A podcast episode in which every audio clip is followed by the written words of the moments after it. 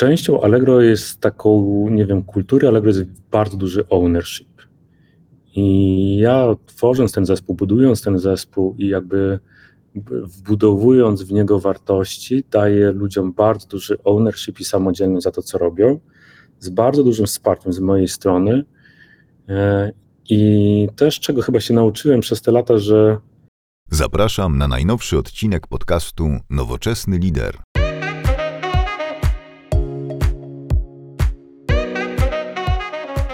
Dzień dobry, witam Was serdecznie w podcaście Nowoczesny Lider. I dzisiaj moim Waszym gościem jest Marcin Mazurek, dyrektor techniczny w Allegro. Cześć, cześć Marcinie. Cześć, cześć, cześć Sebastian. Ja co prawda z Marcinem y, my się znamy, czy widujemy od, dług, wielu lat, ale to będzie chyba nasza pierwsza dyskusja, taka tak naprawdę trochę głębsza i dłuższa pewnie, jak te podcasty zwykle uh -huh. dają możliwość poznania osób trochę bliżej. Chyba byliśmy sąsiadami w Poznaniu przez ulicę w, tak, różnych firmach. Ulicę. Tak, ale pamiętam, że to był fajny okres, bardzo, bardzo mile wspominam. I powiedz, Marcin, zanim jeszcze przejdziemy do, do Twojej pracy jako lidera, do Twoich doświadczeń, obserwacji, to trochę powiedz mi, jak się relaksujesz, bo widziałem fantastyczne zdjęcia na Instagramie pięknego motocykla. Dwa kółka, tak, wiatr w włosach. Moje, moje dziecko e, u, u, ukochane.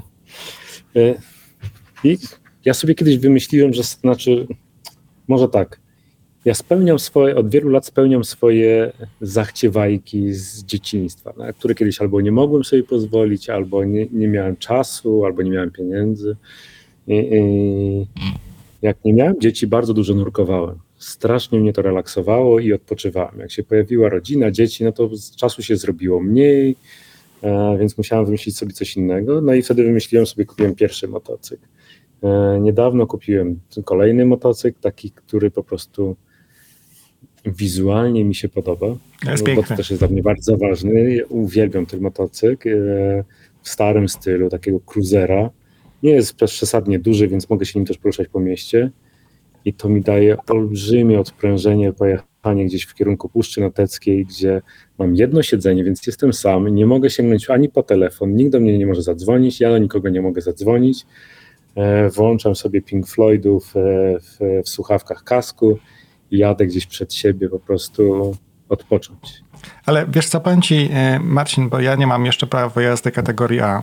Staram się zrobić, ona mhm. nie idzie mi za bardzo, ale z kolei no, mam swoją wespę, która jakby jest, wiesz. Mhm.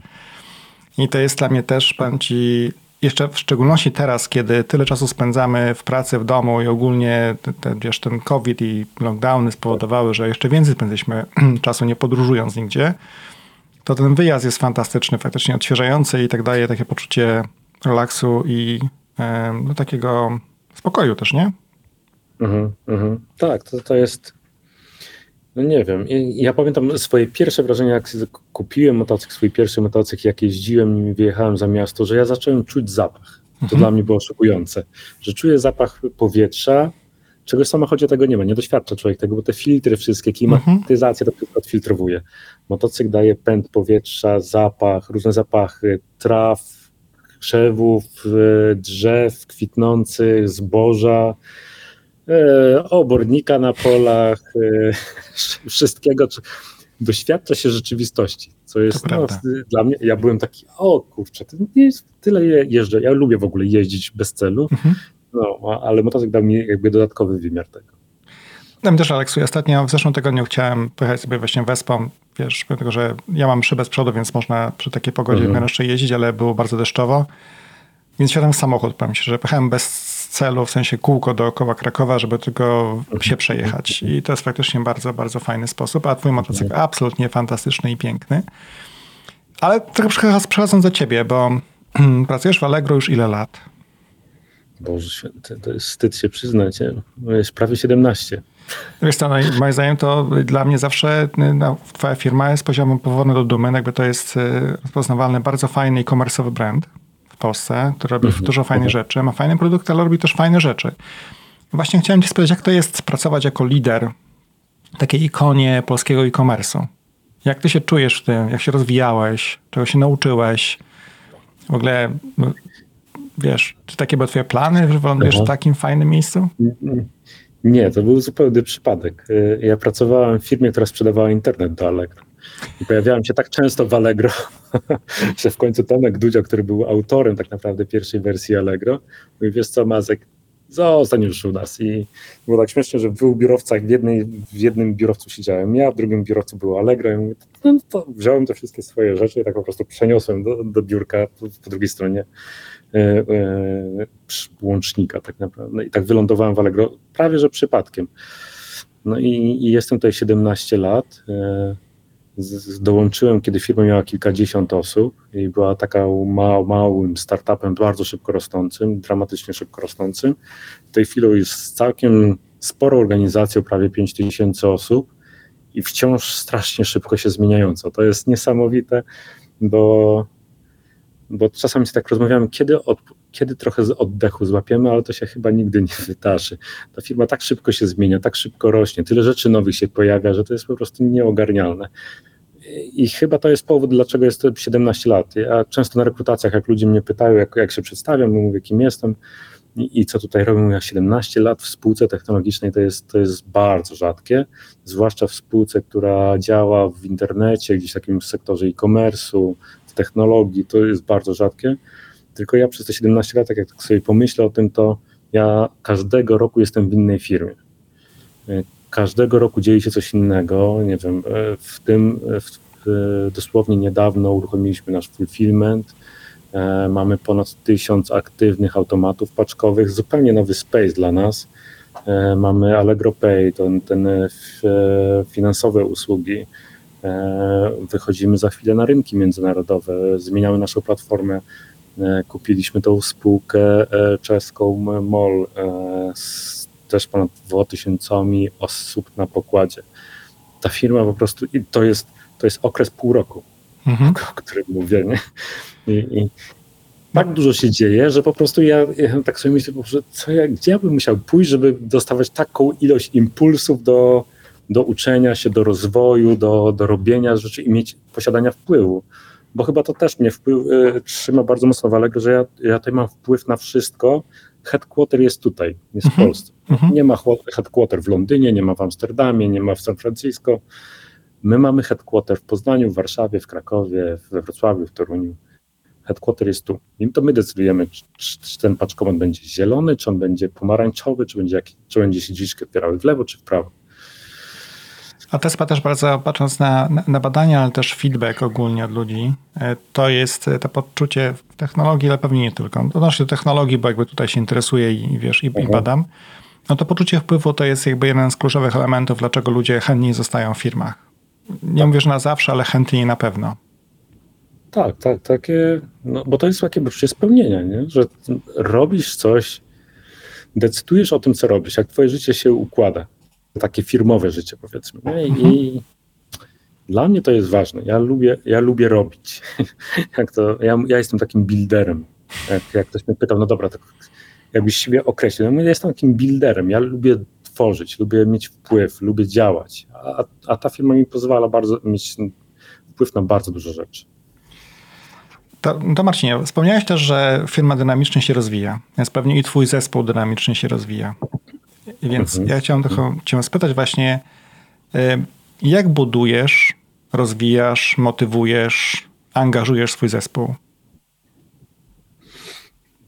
Ja już mam e, mój bezpośredni zespół, bo jakby nie, nie będę mówił chyba o całym zespole. E, Ja w tej chwili prowadzę zespół platformy technicznej, który daje fundament technologiczny dla budowania Allegro i, i, i też procesy takie, nie wiem, bezpieczeństwo, monitoring, governance, zarządzanie jakimiś asetami, licencjami, tego typu rzeczy. E, I, I to jest taki duży zespół technologiczny, ale mój bezpośredni zespół doszedłem chyba do takiego seniority zespołu swojego, który też jest dosyć stabilny. My Ma dosyć mało mamy e, rotację w tym zespole. Mm. Częścią Allegro jest taką, nie wiem, kultury Allegro jest bardzo duży ownership. I ja tworząc ten zespół, budując ten zespół i jakby wbudowując w niego wartości, daję ludziom bardzo duży ownership i samodzielność za to, co robią z bardzo dużym wsparciem z mojej strony. E, I też czego chyba się nauczyłem przez te lata, że to jest takie działanie przez przykład. Ja, ja w kółko powtarzam jak mantrę te same rzeczy na naszych spotkaniach zespołowych, nie wiem, działowych, jakichś takich e, Q&A'ach naszych. Mówię, słuchajcie, jesteśmy odpowiedzialni za to, co robimy. Nie zgadzamy się na byle jakość, na taki excellence techniczny, o to dbamy. E, I, i staram się, co nie przechodzi mi z trudności, bo po prostu lubię to robić, pokazywać po prostu, jak się takie rzeczy robi. E, schylanie po papierki, które leżą na korytarzu, które nie są moim papierkiem, ale po prostu przeszkadzają i tak nie powinno to wyglądać. E, rozwijanie się, inspirowanie, czytanie, uczenie się. Obok mnie leży stos książek, e, które, które przynoszę ludziom i mówię, słuchajcie, to jest fajna książka, tamta jest fajna książka, ten blog post trzeba przeczytać, tamten blog post trzeba przeczytać. Z tym człowiekiem by się warto było spotkać, a z tą firmą trzeba porozmawiać, bo oni robią coś fajnego, i, i, i warto z nimi porozmawiać, podzielić się informacjami, nie wiem, wiedzą. Mm, więc ja, ja chyba w ten sposób rozwijam e, trochę swoim przykładem i, i, i, i co? I staram się inspirować ludzi, mając e, bardzo dużo pokory co do swojego, jak gdyby, wpływu na ludzi. Gdzieś przez te lata też się nauczyłem, że no, ludzie czerpią i dobre, i złe rzeczy ze swoich, nie wiem, ludzi, którzy, z którymi się otaczają. I, I, gdzieś tego też się nauczyłem, bo też e, kilka razy błędy różne popełniłem, pewnie więcej razy niż kilka. I bardzo jestem ostrożny i uważam na to. I, i mam ludzi też e, takich fajnych, mam właśnie w zespole ludzi, którzy dają mi takie lustro dojrzałych ludzi, zresztą, którzy pracowali z nami e, wspólnie, e, wcześniej, wcześniej ciebie, teraz ze mną, biorą mnie na bok i Mazek, to co zrobiłeś, mm -mm. tak nie rób, tak nie rób. I wtedy ja rozumiem, dobrze, to powiedz mi więcej, yy, pokaż mi to, okej, okej, okay, okej, dziękuję. Nie? To jest fajne. Więc no, ch chyba w ten sposób. Takie, taka partnerska, ale, ale, ale tak.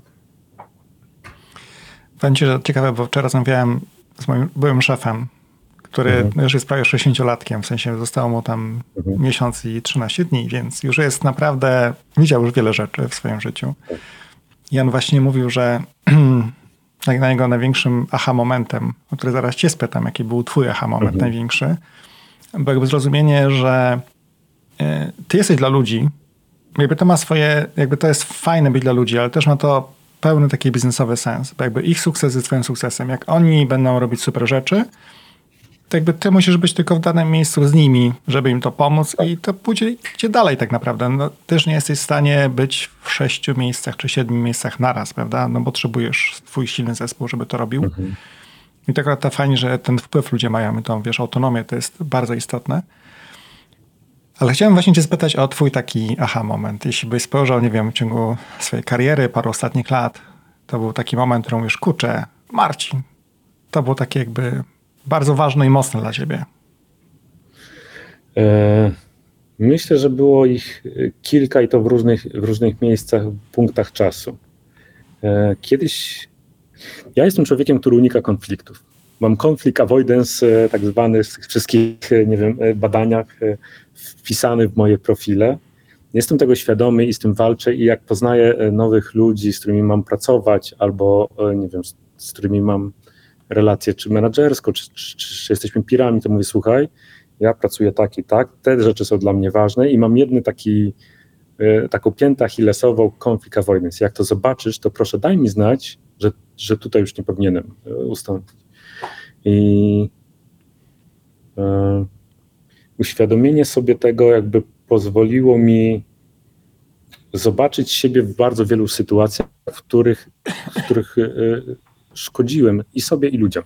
Mhm. Myślę, to, to był jeden, takie uświadomienie sobie tego, tego problemu.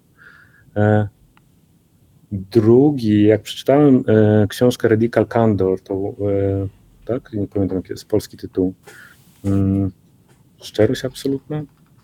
Już nie pamiętam. Poleconą przez Wojtka Paździora, po jakichś tam warsztatach razem z nim to było dla mnie takie otwierające oczy, że to taka szczerość do bólu menadżerska, e, albo w ogóle ludzka, jest strasznie ważna i potrzebna i brak tej szczerości po, powoduje olbrzymie problemy w relacjach naszych. I myślę, że to jest gdzieś powiązane z moim unikaniem konfliktu, że ta szczerość jest dla mnie czasami trudna i, i muszę się zdobywać na taką szczerość. Nie wiem, to już mówiłem o mojej żonie, ona jest doskonała w tym. Jak idziemy do knajpy i jak jej coś nie smakuje, to ona po prostu z, pełną, e, z pełnym szacunkiem mówi tak, to było takie, to było świetne, to było zasłone, a to było przypalone. I ja myślę, matko boska, zaczyna się, nie? Ale chciałbym potrafić tak jak, tak jak ona, a z drugiej strony potrafi świetnie doceniać. I innym aha momentem, myślę, było, e, byłem w 2017 roku na Insadzie na takim programie, trwało to miesiąc i w tym programie była gimnastyka. 6.45 chyba, czy 6.30, codziennie była gimnastyka. Wszyscy. I myślę, ja, no, dorośli ludzie, gimnastyka, ja mam cały dzień zajęć, później ciężkich zajęć, może się uczyć, nie? I jakoś po zrozumiałem, e, wtedy to do mnie bardzo dotarło, ja nie jestem jakimś bardzo sportowym człowiekiem, ale bardzo do mnie dotarło, że moje ciało jest moim narzędziem pracy. Tak samo jak ta książka, tak samo jak te blogposty, jak ludzie, z którymi się spotykam i z którymi wymieniam wiedzę, że moje ciało, moje zdrowie jest moim narzędziem pracy. E, wtedy jakby wbiło mi się do głowy i, i kupiłem sobie ergometr, którego używam w domu, e, że muszę o to bardzo zadbać i świetnie mi to zaprocentowało w trakcie pandemii i zauważyłem, jak bardzo mi to pomaga i daje mi taką dopaminę E, te, ten ruch i ta zabawa w te cyfry, bo oczywiście jako człowiek związany z technologią, to tam jestem obładowany licznikami przeróżnymi i, i liczę, i notuję, i mam e, ścianę z mazakami, gdzie sobie zapisuję różne wyniki. No i, i zwracam na to uwagę też e, z ludziom w moich zespołach, słuchajcie, bardzo to dbajcie, bo widzę też efekty uboczne u ludzi, którzy o to nie dbają gdzie się załamują, nie wiem, psychicznie, fizycznie, zwłaszcza w tej sytuacji, w której w tej chwili jesteśmy jeszcze wciąż. A co jest ergometr? Ergometr to jest wioślarz, taki sta stacjonarny wioślarz. Jak widzisz okay. w Poznaniu, jak widziałeś na warcie ludzi wiosłujących, tak jest. E, to ergometr jest takim narzędziem do ćwiczeń w domach, nie wiem, w halach, e, w siłowniach, gdzie jest taka linka, drążek i po prostu to ciągniesz. Ja wtedy nadrabiam zaległości w książkach, w audiobookach, e, w filmach, w prezentacjach. Kładę iPada przed sobą i po prostu oglądam. To jest nagroda dla mnie za, za spędzony czas na tym ergometrze, co nie jest super fascynujące. Znaczy wiesz powiem Ci, że ja osobiście nie jestem fanem biegania. W sensie taką koszulkę mógłbym sobie zamówić. Y, nie biegam, bo nie lubię. W sensie, no wiem, że czasem trzeba i byłoby fajnie i to jest w ogóle takie sportem możesz uprawiać wszędzie, ale jedynym takim dla mnie bodźcem, żeby pójść pobiegać, to jest y, audiobook na przykład, nie? Mhm. że posłucham sobie raportu o stanie świata w tym czasie, jak biegam i tak dalej. Mhm. Ale zgadzam się, to jest jakby człowiek czuje się zupełnie inaczej, nie? Jakby masz też moment odskoczni, przechodzą nowe pomysły, trochę się dotlenisz, zrelaksujesz i tak dalej, 100%. Mhm. Też ciekawe o tej książce, o której wspomniałeś, o tych, o tych emocjach, o, te, o tym szczerej komunikacji, jakby ona jest chyba bardzo ważna i nie, nie wiem, mam takie wrażenie tylko, musiałem sprawdzić jakoś, to ma jakieś może badania, mhm. ale że stała się jeszcze bardziej ważna teraz i taka, ona musi też być w szczególności do osób trochę młodszych od nas, bardzo czasowa, czyli nie czekasz miesiąc, tylko mówisz od razu, tak, tak naprawdę, nie? Tak.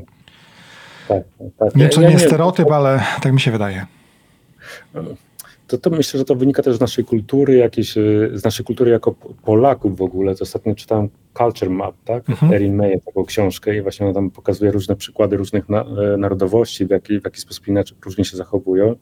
Ale właśnie jak byłem na Insadzie, byłem z, z Holendrem w takiej małej grupie czteroosobowej i po prostu sposób dawania feedbacku przez niego mnie przerażał. Nie miałem zbyt dużo czasu w życiu, y, jakby y, kontaktu z, y, z Holendrami w takiej bezpośredniej pracy, ale jak on dawał feedback, ale to był zupełnie feedback dany z szacunkiem, ale był tak szczery do bólu. Ja mówię, stary, w Polsce wywołałbyś trzecią wojnę światową, nie? Jakbyś dał taki feedback. W życiu bym się nie zdobył, ale podziwiam, po prostu podziwiam i to było fantastyczne, bo on mówił, ja naprawdę skorzystałem z tych zajęć, ale tak, to, to, to, to, to, to można by zrobić inaczej i to, to, to, to, to było niedociągnięte i oni muszą o tym wiedzieć. Okej, okej, okay, rozumiem. to jest też kwestia kultury chyba, bo y, miałem w jednej z firm takiego wewnętrznego klienta, Holenderkę. Coś tam się kiedyś posypało, ja napisała maila, I jakby dla mnie to tak mnie zjechała od, pierwszego, od pierwszej litery do ostatniej kropki w tym mailu. Więc ja do niej zadzwoniłem z przeprosinami ona mówi, ale nie ma co przepraszać, robicie super dobrą robotę. Chciałem tylko dać wam feedback na temat tego, jakby co można być inaczej. Ja mówię, aha, no to mówię, dopiero wtedy zacząłem się trochę interesować kulturą holenderską. Nie miałem takich doświadczeń wcześniej jak ty. I u nich po prostu jakby to jest część kultury, że mówisz sobie prosto w oczy, jakby od razu od A do Z, nie? Tak. Chciałbym, chciałbym to potrafić. Chciałbym, żeby tego było więcej u nas. Właśnie teraz mamy szefa Amerykanina, który jest taki straight to the point. Mhm. I on czasami taki jest bardzo taki sorry, sorry, sorry, muszę to powiedzieć. Ja mówię, David, naucz nas tego, tego potrzebujemy. My musimy się naprawdę tego uczyć. Nie? To prawda. Też pamięcie, że takie są pułapki czasem też kulturowe. To mi jakiś kolega mówił o, nie wiem czy to był Holender, czy inna narodowość, został dyrektorem fabryki. I on głęboko wierzył, że jego pracą jest dawać ludziom informację zwrotną o tym, co robią, jak mogą robić rzeczy lepiej, bo wtedy wszyscy będą lepiej się pracować. Nie? I tak, miał taką godzinę od 10 do 11, szedł przez zakład produkcyjny i tam mówił tutaj inaczej, tam inaczej. Nie? Po miesiącu był bunt na, bunt na pokładzie. Ludzie powiedzieli, że go nienawidzą, że ma stąd odejść, w końcu chyba zmienił pracę na inną. Jakby to w kulturze tem tej organizacji ogólnie było tak dalekie, a myślę, że on się cały raz czepia że on nigdy nie ma nic dobrego tak, do powiedzenia, nie? Nigdy jest niezadowolony. Zawsze niezadowolony zawodnik, po prostu taki tak, grumpy cat, nie? Ale no, to było no. ciekawe, nawet no, te kulturowe aspekty, jak pracujesz w firmach y, takich y, wielokulturowych, to są one bardzo ciekawe i ważne, pasjonujące, o ile to lubisz, no bo jak ktoś nie lubi, to, to nie będzie miał -hmm, dużo z tego -hmm. radości. -hmm. No dobrze, a powiedzmy w takim razie, bo trochę patrząc też z perspektywy przyszłości, e, jako lider masz też pewnie swój network, byłeś na fajnych zajęciach, o których wspomniałeś wcześniej. Jakie są twoje predykcje, jeśli chodzi o umiejętności liderów? Na co ty byś stawiał, czy na, na co stawiasz? E, czy twoja firma na co stawia, patrząc na teraz i na przyszłość, jeśli chodzi o leadership oczywiście? Wiesz co, wydaje mi się, bo, bo, ta rzeczywistość, która nam się zmieniła przez te ostatnie dwa lata, spowoduje, że nam się zmienia model pracy. I ten model pracy, on się będzie kreował, myślę, przez najbliższe 3-5 lat. Myślę, że musimy się go nauczyć. Myślę, że sami jeszcze nie wiemy, jak to będzie do końca wyglądało i musimy być bardzo uważni na to, co się z nami dzieje. Z nami w ogóle, z nami, z naszymi zespołami, z naszymi pracownikami, z naszymi kolegami i uczenie się tego i otwartość na te zmiany myślę, że będzie super istotna. E, ja jak, jakoś nie jestem fanem, często słyszę w różnych, nie wiem, podcastach czy, czy, czy w książkach o tym e, learn to unlearn.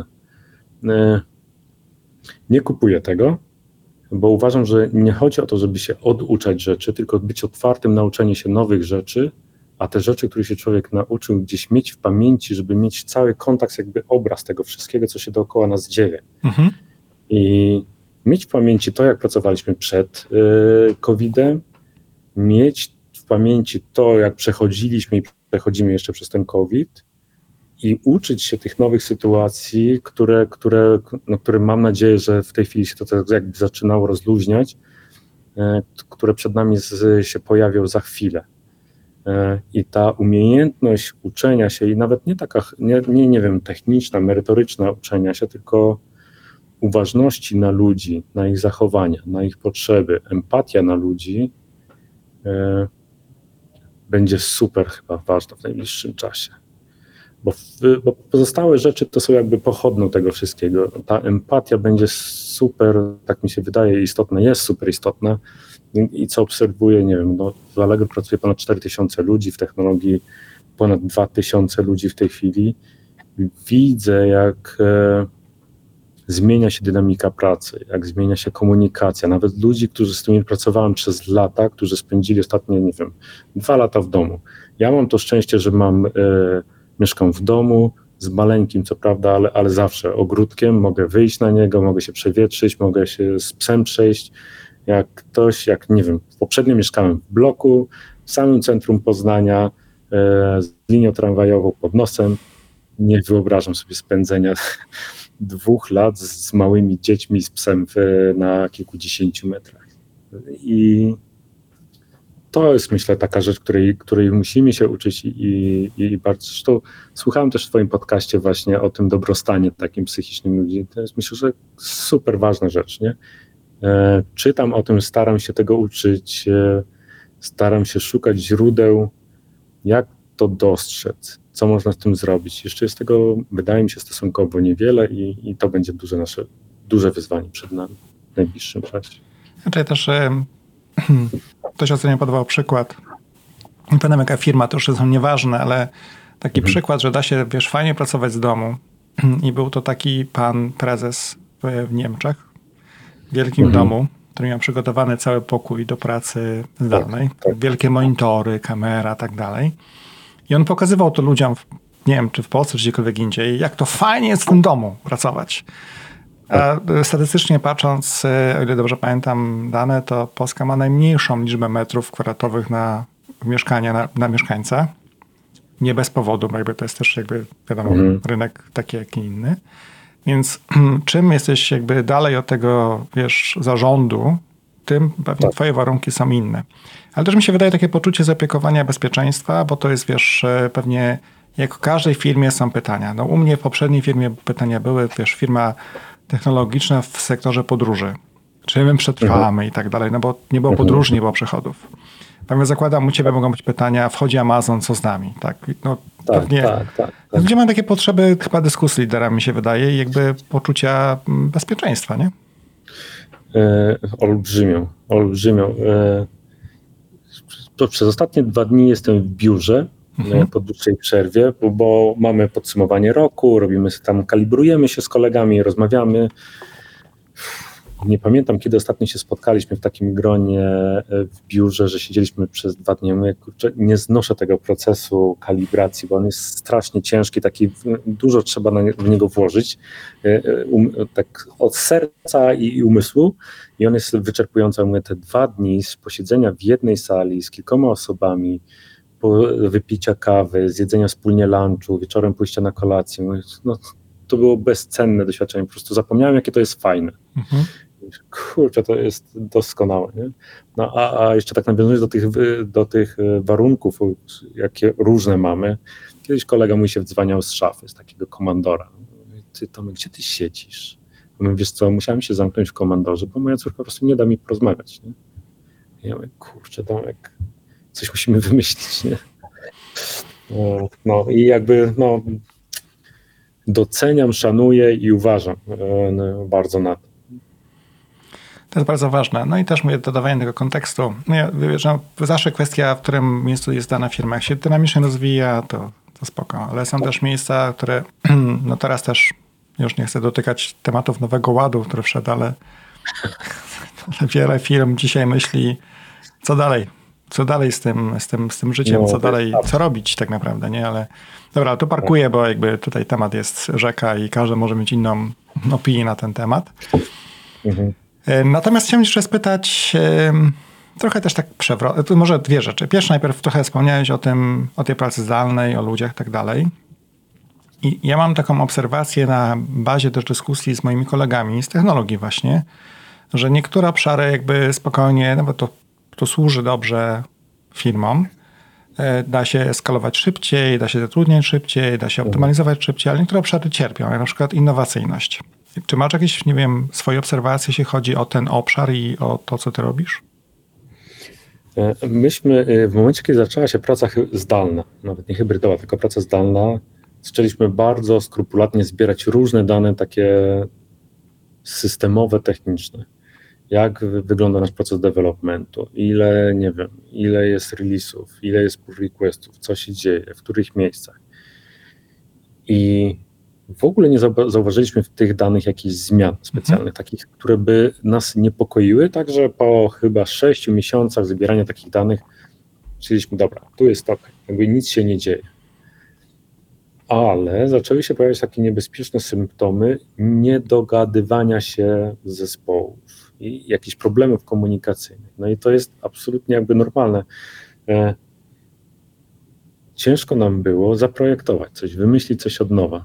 Jakby w Allegro jest, że y, mamy ten komfort, że pipeline pomysłów jest znacznie większy niż możliwości ich realizacji. Więc jakby zawsze mamy więcej na stole niż, byśmy, e, niż możemy zrobić. Aczkolwiek do przegadania pewnych pomysłów, to i tak się umawialiśmy w biurze i mówię, słuchaj, parku się umówmy, siądźmy na z tą kartką papieru, bo przez komputer tego nie zrobimy, albo przez komputer zajmie nam to trzy razy albo cztery razy więcej czasu niż jakbyśmy siedli z kartką papieru w, w parku, czy nie wiem, czy spotkali się nawet w biurze przy tej białej tablicy.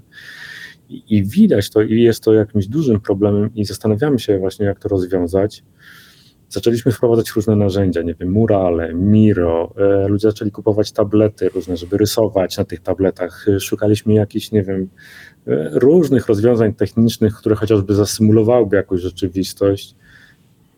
Tego się nie udało zastąpić w 100%. No i właśnie nawet chociażby po tych dwóch dniach takiej wspólnej pracy widzę, jak ta biała tablica, która stoi tutaj obok mnie, jest, zapisywana, ścierana, zapisywana, ścierana. To jest tak potrzebne i, i w takiej pracy twórczej, koncepcyjnej jest y, dramatycznie trudno robić w online. Chociaż są firmy, które istnieją od początku, e, tylko online, jest bardzo dużo startupów, firm technologicznych, które żyją w, w online, ale myślę, że nawet nieświadomie dużo tracą z no takich interakcji. Dokładnie, nie wiedzą po prostu nawet, y, gdzie mogły potencjalnie. Wiesz, ja nie oceniam absolutnie, czy to jest dobry model, zły model. Pewnie każdy jest modelu, jaki mu mhm. pasuje, oczywiście. Natomiast takie są obserwacje z różnych firm, które są innowacyjne, bo mają po prostu dedykowane działa R&D. Tak mówiliśmy wcześniej, że tam widać było jasny wpływ na innowacyjność. Wynika pewnie z wielu mhm. względów, jest takiego trochę marazmu i niepokoju, bo też jakby mózg, wiesz, jak pamiętam tę dyskusję z Ewą Hartman odnośnie, wiesz, jak, jak my działamy jako ludzie, no to ten, ta niepewność wpływa na nas nawet nieświadomie, że my cały czas nie tak. wiemy, myślimy o tym, męczymy się. Wiesz, mniej sportu, pamiętasz, były taki miesiąc, kiedy można było z tak. domu wychodzić, chyba że z pieskiem. No to też był taki tak. moment, że w ogóle byłeś uziemiony tak naprawdę.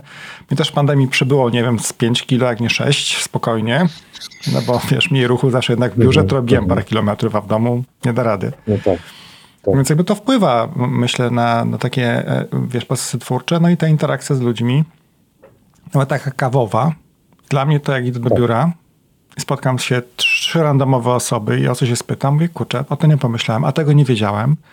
A no to w ogóle jest ciekawa, ciekawa, ciekawa perspektywa. To jest naprawdę tak. bezcenne. A ciebie nie znam, a, a, kim jesteś, a co robisz, Dokładnie. a ja robię to, a ty skąd jesteś? I nagle wczoraj tak poznałem, okazuje się mojego, jednego z członków mojego zespołu, który przyszedł, mówię, o, cześć. Mówię, no, no to, to, to jest straszna rzecz. To znaczy, straszna rzecz nam wyrządziła ta pandemia, uważam. I to, to jest dramatyczne. Ba, bardzo żałuję tego. Ja mam jeszcze y, dwójkę dzieci, jedno y, syna w wieku maturalnym, maturę mm -hmm. będzie w tym roku. I bardzo mi jest przykro, jak patrzę, jak ten okres y, maturalny, w którym on powinien budować siebie, zniknął. Mhm. Te dwa lata temu zostały zabrane. No i, i, to samo myślę, że się dzieje wśród pracowników. Nie wiem, może my troszkę, e, powiedzmy, dojrzalsze osoby, e, trochę e, jakby przeżyliśmy tego, ale nowe osoby, które wchodzą na rynek pracy i zaczynają rynek pracy od dwóch lat pracy zdalnej, to jest. Nie, nie, tak nie powinno być. Wszystko zobaczymy. Myślę, że to wiesz, wiele osób też mają preferencje, na przykład są introwertykami i sami mówili, że oni, dla nich teraz jest czas żniw. Oni się nie męczą, nie muszą, wiesz, chodzić, spotykać się, ale i tak przychodzili do biura raz na dwa tygodnie. Tak, nawet głębocy tak. introwertycy, żeby pobyć z ludźmi i później po 4 godzinach wracać do domu. Jakby już wystarczyło naładowania no. baterii. Ja, to znaczy ja nie wierzę, że my wrócimy do normalnego modelu pracy takiego sprzed pandemii. To, mhm. to w ogóle y, uważam, że on nie ma sensu już w tej chwili ale nam jest, e, obecność ludzi jest nam potrzebna. My jesteśmy zwierzem stadnym, potrzebujemy tych ludzi wokół siebie, gromadzimy się w tych miastach, wsiach, osiedlach, gdzieś potrzebujemy tego kontaktu z człowiekiem. Tak samo w pracy, myślę. Ja też mam swoje przyjaźnie, te wiesz, te moje wespowe, to oczywiście jak jedziesz, to zazwyczaj idziesz sam, prawda, no bo jakby no, mhm. masz interkom, no to pokażesz ewentualnie przez interkom, no ale jedziesz sam. Ale nie, nie wyobrażam sobie, żeby jechać 4 godziny, dojechać i usiąść samemu w knajpie przy kawie. Jakby to bez sensu dla mnie osobiście. Jak tak, mamy tak. swój gang, no to jedziemy gangiem i później pogadamy chwilę o tych wespach, o życiu, o pracy i tak dalej. No to mhm. pewnie różnorodny, wiesz. Ludzie są totalnie z różnych innych bajek. To jest też bardzo fajne. Tak. Także to dla mnie też jest jakby część tego fanu, który mam, nie? Z tego hobby mhm. mojego. No dobrze, jeszcze mam takie pytanie do ciebie w takim razie, um, czy w sumie jeszcze jedną gratulację i jeszcze dwa pytania, jeśli mhm. pozwolisz. E, trochę to przekąsem, ale trochę w technologii. patrząc na przyszłość, mówi się tyle o automatyzacji, robotyzacji. Wiesz, tych talentów mamy mało na rynku cały czas. Mhm. Za mało versus potrzeby. Z tego, co ja obserwuję, no to nie ma takiej ilości ekspertów technologicznych, które nie można było zatrudnić dzisiaj. Czy myślisz, że jednak zastąpi nas te roboty, automatyzacja? Jak to wpłynie na nas? Jakie umiejętności wtedy będą potrzebne? Ja jestem olbrzymim fanem w ogóle technologii. Jestem zakochany w technologii. E, e, uważam, że jest to fascynująca nauka, to co się dzieje, to czego doświadczamy my w tej chwili przez ostatnie kilkadziesiąt lat nawet. Ta, ten, ten skok technologiczny, z naszej perspektywy skok, być może z perspektywy naszych dzieci, naszych potomków, to będzie jakieś e, dziwne, żółwie tempo, ale widzę, obserwuję, jak się zmienia technologia i jestem tym zafascynowany ale też jakby rozumiejąc tą technologię, która się dzieje i, i, i, widząc jej możliwości, widzę, że to jest far, far away od tego, co my potrafimy zrobić, co ludzie potrafią zrobić, wymyślić, w jaki sposób e, reagować na zmianę kontekstu, środowiska. No, chociażby to, o czym właśnie teraz rozmawialiśmy, o, tej sytuacji covidowej. Przestawienie się e, całego świata na pracę zdalną w przeciągu dni, nie wiem, my w Allegro przeszliśmy na pracę zdalną w przeciągu dwóch dni. Przerzuciliśmy kilkaset, nie kilkaset, e, tysiąc, już nie pamiętam ile osób wtedy było dwa lata temu w dużo ludzi, dwa dni. Zmiana, tak, taka kolosalna zmiana, myślę, że no nie wiem, jaka to musiała być robotyzacja, automatyzacja, jakie to sztucz, jakie algorytmy sztucznej inteligencji, nie wiem, ML-owe musiały być, które by tak szybko się adaptowały. Myślę, że też e, to, że ta technologia tak rośnie, ten świat się tak zmienia, zmiana tego kontekstu będzie powodowała, że ta robotyzacja nie rozwiąże nam wszystkich problemów. Ona będzie nam pomagać, ona pomaga. Ja widzę też w Allegro, jak, jak bardzo dużo problemów jesteśmy w stanie wspierać, e, wykorzystując różne technologie. Tam sztuczna inteligencja to zbyt duże słowo, ale, ale machine learning jest stosowany w bardzo wielu obszarach i ono rzeczywiście nam pomaga, wspiera. Wspiera i pomaga, czy rozwiązuje problemy? Mm, jeszcze nie, ale widzę, że to też się nasila. Te algorytmy, które się pojawiają, modele GPT-2, GPT-3, kolejne. No nie wiem, jestem bardzo ciekaw, co GPT-4 pokaże. E, są nie, to są niesamowite rzeczy, ale jesteśmy bardzo daleko od tego, żeby to nas zastąpiło, tak mi się wydaje. Jesteśmy, człowiek jest niesamowitą maszyną, urządzeniem, bo, bo tak naprawdę no nie wiem, ja jestem wyznawcą tej teorii, że jesteśmy super skomplikowaną maszyną. Uwielbiam e, czytać, oglądać o tym, jak tam odtwarza się, nie wiem, e, pracę mózgu, jakieś elementy pracy mózgu, buduje się, próbuje się zasymulować jakieś fragmenty pracy mózgu, kory mózgowej. To jest, fascynuje mnie, ale widzę, jak to jest skomplikowane. Mam kolegę, który zajmuje się protetyką, protetyką dłoni i jak mi pokazał, jak zbudowana jest dłoń tak od środka i trochę mi o tym opowiedział. Mówię, ja, przecież to jest tak skomplikowany mechanizm. Moja żona notabene złamała e, tydzień temu rękę i jakby dowiedziałem się już naocznie bardzo mocno, jak to jest złożona rzecz. Mhm. Niesamowite. Jesteśmy daleko, myślę, od tego, żeby roboty nas zastąpiły. Bardzo daleko. To jeszcze ciekawy jakiś podcast e, słuchałem. Nie pamiętam na jakim kanale, ale też było właśnie o machine learningu trochę o tym, jak jakby jak zasilasz te silniki w dane, no to jak dane też powodują, że wyniki są takie, jakie dane wprowadzisz, takie masz później wyniki tak. de facto. Tak, tak. Jakie później pojawiają się takie e, z, zawirowania, jak ktoś wprowadza złe dane i przykładem było podane, że e, dużo częściej na lotniskach w Ameryce są zatrzymywani do kontroli osoby czarnoskóre, tak, latynoamerykańskie i tak dalej, no bo z danych wynikało statystycznie, że częściej popełniają przestępstwa, w związku z czym częściej są zatrzymywane, bo algorytm ich wyłapuje, nie? Czy tak, to jest tak, prawda, czy nie? No nie wiadomo, ale pewnie, pewnie nie, ale akurat tak zostało zaślęte. To jest w ogóle ciekawy obszar w ogóle do takiego, wiesz, do podcastu, do pogadania. Jak mhm. można zwichrować technologię, używając niewłaściwych wsadów danych, nie tak naprawdę. Tak, ten, ten bias danych jest bardzo silny. Zbieramy dane jakieś określone i, i takie dostajemy wyniki. Ten model jest tak nauczony, żeby tak w ten sposób to rozpoznawać. Nie? I fajnie jest, znaczy, wydaje mi się, że zaczynamy być tego świadomi e, i, i reagować na to i, i wyłapywać takie właśnie rzeczy, o takich, mhm. których, taki przykład, który ty mówisz i inne przykłady.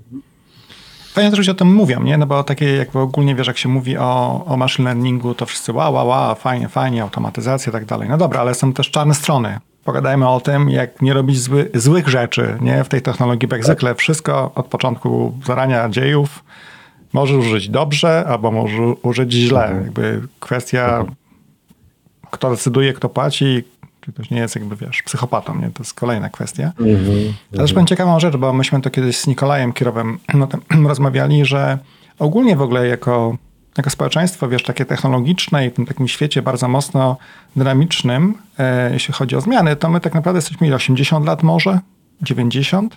Mhm. A cała nasza taka, wiesz, historia jako człowieka trwa parę tysięcy lat. My tak szybko się nie zmienimy, wiesz. W kwestii tych Tak, interakcji, tak, tak. pandemii, tak mamy zakodowane bardzo mocno i to nie wiem, no pewnie są lepsi eksperci ode mnie zdecydowanie, ale to takie są obserwacje. To nie jest jakby, to jest duża rewolucja, ale to nie zmieni nas jako ludzi w ciągu 20 lat czy 30. Nie, nie, nie. Tak, my patrzymy na jakąś tam taką kropeczkę, taką Dokładnie. kropeczkę w historii człowieka, nie? No, To, to dokładnie. naprawdę. Powstawaliśmy, tak jak mówisz, tysiące lat, a, a patrzymy na ostatnie kilkadziesiąt. To prawda.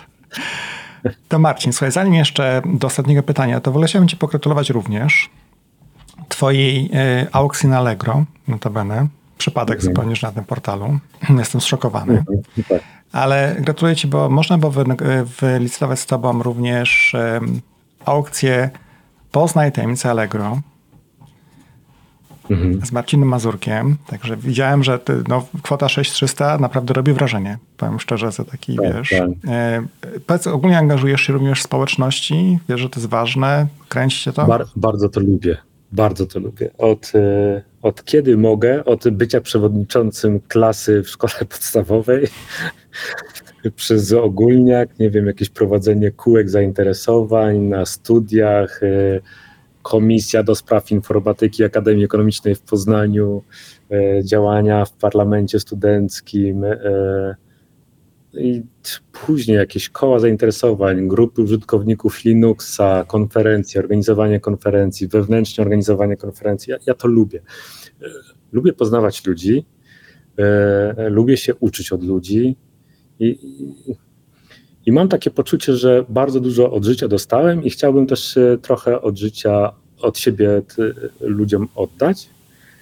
I mam taką możliwość. e, Jestem w tym miejscu, w którym jestem i jeśli coś moja osoba i mój czas jest warty, okazuje się, że coś tam jest warty, no to z przyjemnością to oddaję e, ludziom, nie? z przyjemnością, a przy okazji poznaję nowych ludzi, e, uczę się czegoś.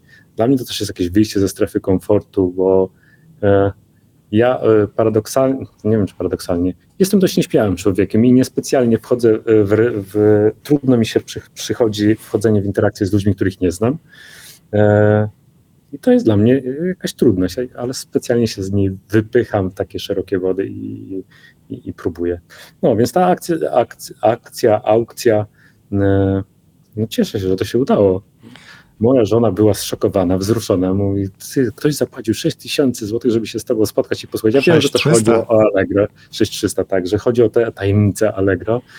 E, No i bardzo się cieszę. Nie? Przy okazji jeszcze się okazało, że jeszcze jeden taki znajomy, który prowadzi firmę, mówi Marcin, ja dołożę kolejne sześć i zrobimy jeszcze coś, akcję, tylko wymyślimy na co to wpłacimy. Mówię, super, mówię, zrobimy. Nie?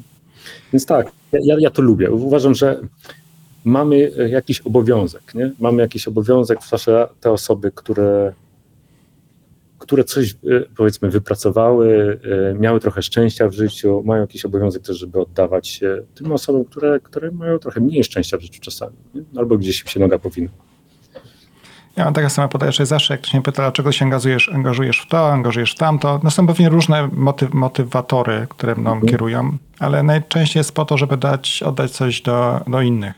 Ta, ta, taka dyskusja jak z tobą dzisiaj dla mnie to jest bardzo fajne doświadczenie i fajna dyskusja i się dużo ciebie uczę. Ale mam nadzieję, że posłuchasz jeszcze parę set innych osób i też będą miały fajny, fajny wzorzec, wzorzec do naśladowania, czy do pogadania może kiedyś z tobą. Może piją na kolejną Mhm. aukcję kiedyś w przyszłości jak No będzie proszę. otwarta. Także to bardzo fajne. Powiem ci, że jeśli chodzi o nieśmiałość taką nawiązywania kontaktów, to ja byłem przerażony kiedyś. Naprawdę przerażony, jak miałem odezwać się do osoby obcej. Przerażony. Mhm. Nie wiem, kiedy mi to zniknęło, bo już nie mam takiego strachu czy przerażenia, czy w ogóle dla mnie to jest spoko, bez względu na to, kim jest ta osoba. Mhm. Natomiast kiedyś byłem sparaliżowany strachem. Totalnie. No. Człowiek, człowiek się uczy. Tak, rozwija, życie. zmienia. I, I rozwija te swoje skille. Ja też jakby nauczyłem się tego i moja, i moja żona się ze mnie śmieje. Mówi, przecież ty ze wszystkimi rozmawiasz, występujesz na konferencjach po polsku, po angielsku, nie wiem, w Londynie na konferencji mówiłeś, w San Francisco na konferencji mówiłeś, mówi, wszystko okej, mówię, ale widziałaś mój puls, mój puls wygląda tak 60, 60, 60, przychodzi moment mojego wystąpienia 120, 120, 120, 120, 60, 60, 60, a później ja mówię, dobra, idę spać, teraz muszę to odespać. Ale po- powiem ci, że mam kilka takich osób, które poznałem w przeszłości. Oni na przykład y, byli aktywni na spotkaniach i tak dalej, po czym znikali na kolejne dwa dni. To były, wiesz, takie duże spotkania, tam kilkaset tysięcy, kilka, kilka tysięcy osób i oni po prostu później od- dochodzi do siebie. Nie, tak, Tak, tak, tak, dokładnie jest- dwa dni ich nie było, byli wycieńczeni. No i, i wiesz, to, to, tam zdjęcie z tej aukcji to jest właśnie z takiego mojego wystąpienia przed całą technologią w Allegro, ponad 2000 ludzi. Musiałem zrobić sobie prezentację, przygotować i myślę, Matko Boska, i muszę tym ludziom, tym 2000 osobom powiedzieć coś, co im utkwi w głowie, co, co im coś zostanie, co będzie dla nich miało jakąś wartość. To jest straszne, straszny stres i obciążenie, to jak wiesz, taka odpowiedzialność, nie? 2000 osób ciebie słucha przez, e, tam pamiętam, 40 minut czasu, szkoda zmarnować ten czas. No ale mm, ta, jak wiesz, bronisz się tą marynarką, nie? Takie pakmany, nie? No to, to wiesz, to, to ja wiem, zawsze ja mówię, jeśli coś nie wiem zbyt dobrze, to muszę odwrócić uwagę od swojej indolencji, to ubierz się jakoś ekstrawagancko, to, to odwróci uwagę. Żartuję oczywiście, naprawdę było świetnie, ale marynarka też widziałem, że jest częścią aukcji, No. także można ją było wygrać Tak, od tak, ciebie. Tak, tak. Super, no, to- jest. Fajne, to jest w ogóle fajne, wiesz, fajnie, y, fajnie, że macie takie też spotkania wewnętrzne, że właśnie prezentujecie rzeczy do ludzi. Ja dzisiaj właśnie miałem spotkanie też z koleżanką i właśnie ten, czasem ludzie nie doceniają tego, jak bardzo ludzie potrzebują się dowiedzieć, spotkać i zapytać. Mhm. Bez względu na, y, na jakby na dystans w organizacji.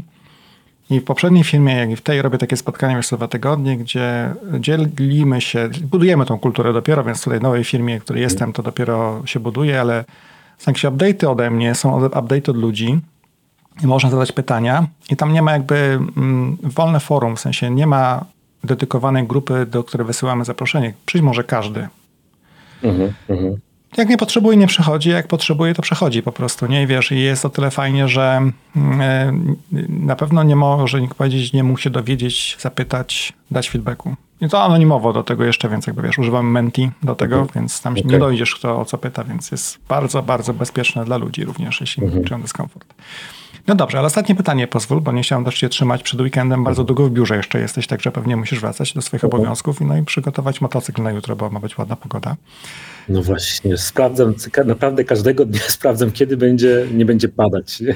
W Krakowie jutro ma być podobno słonecznie, więc jutro się już mówiliśmy z kolegami, że jutro jedziemy na jakąś trasę. Co prawda mówię, na skuterze wiesz wygodniej, kocyk założony, szyba z przodu, więc ja nie czuję tego chłodu. Myślę, że jak ludzie słyszą to, co się śmieją z tego, ale ja naprawdę wyjeżdżam tym motocyklem tak, żeby nie, nie odpalać go w, w garażu, odpalam go, po, postoję, popatrzę na niego, tutaj go wytrę, tu go wytrę, gaszę, stawiam go z powrotem i czekam. To jest na, pod, podlinkuję też na blogu jakby co, no motocykl robi roboty, naprawdę, jest super. E, To Marcin, jeśli pozwolisz, ostatnie pytanie. Jakbyś mam, t- takie ostatnie mam taką nową tradycję. Pytam się jakby trzy topowe porady Marcina Mazurka dla liderek, liderów, którzy chcą się rozwijać albo się rozwijają, albo są może liderami. Dla ciebie takie najważniejsze. Na co ty chciałbyś zwrócić uwagę? E, Wiesz co, chyba, chyba to, co powie- powiedziałeś i to, czego się też nauczyłem od ciebie. E, Ty prowa- prowadzisz, prowadziłeś e, program mentoringowy, Mentoring Walk, w którym ja raz miałem przyjemność brania udziału.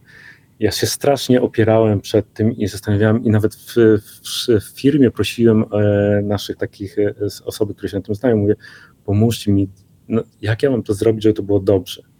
I jak spotkałem się z tym człowiekiem, z którym ze mną rozmawiał, taki młody chłopak, który rozmawiał, i jak mu opowiadałem o swojej historii, w jaki sposób doszedłem do tego, w którym do tego miejsca, w którym jestem, to on mówi, a to jakbyś zrobił, a to jakbyś zrobił. I ja miałem, okazuje się, że miałem jakby tysiąc pomysłów na to, jak on może się znaleźć gdzieś, przynajmniej na ścieżce, która go prowadzi do tego miejsca. I, i to takie mi zrobiło, kurczę, naprawdę, coś w życiu chyba jakby czegoś się nauczyłem i mogę się tym podzielić. I to ma olbrzymią wartość, okazuje się.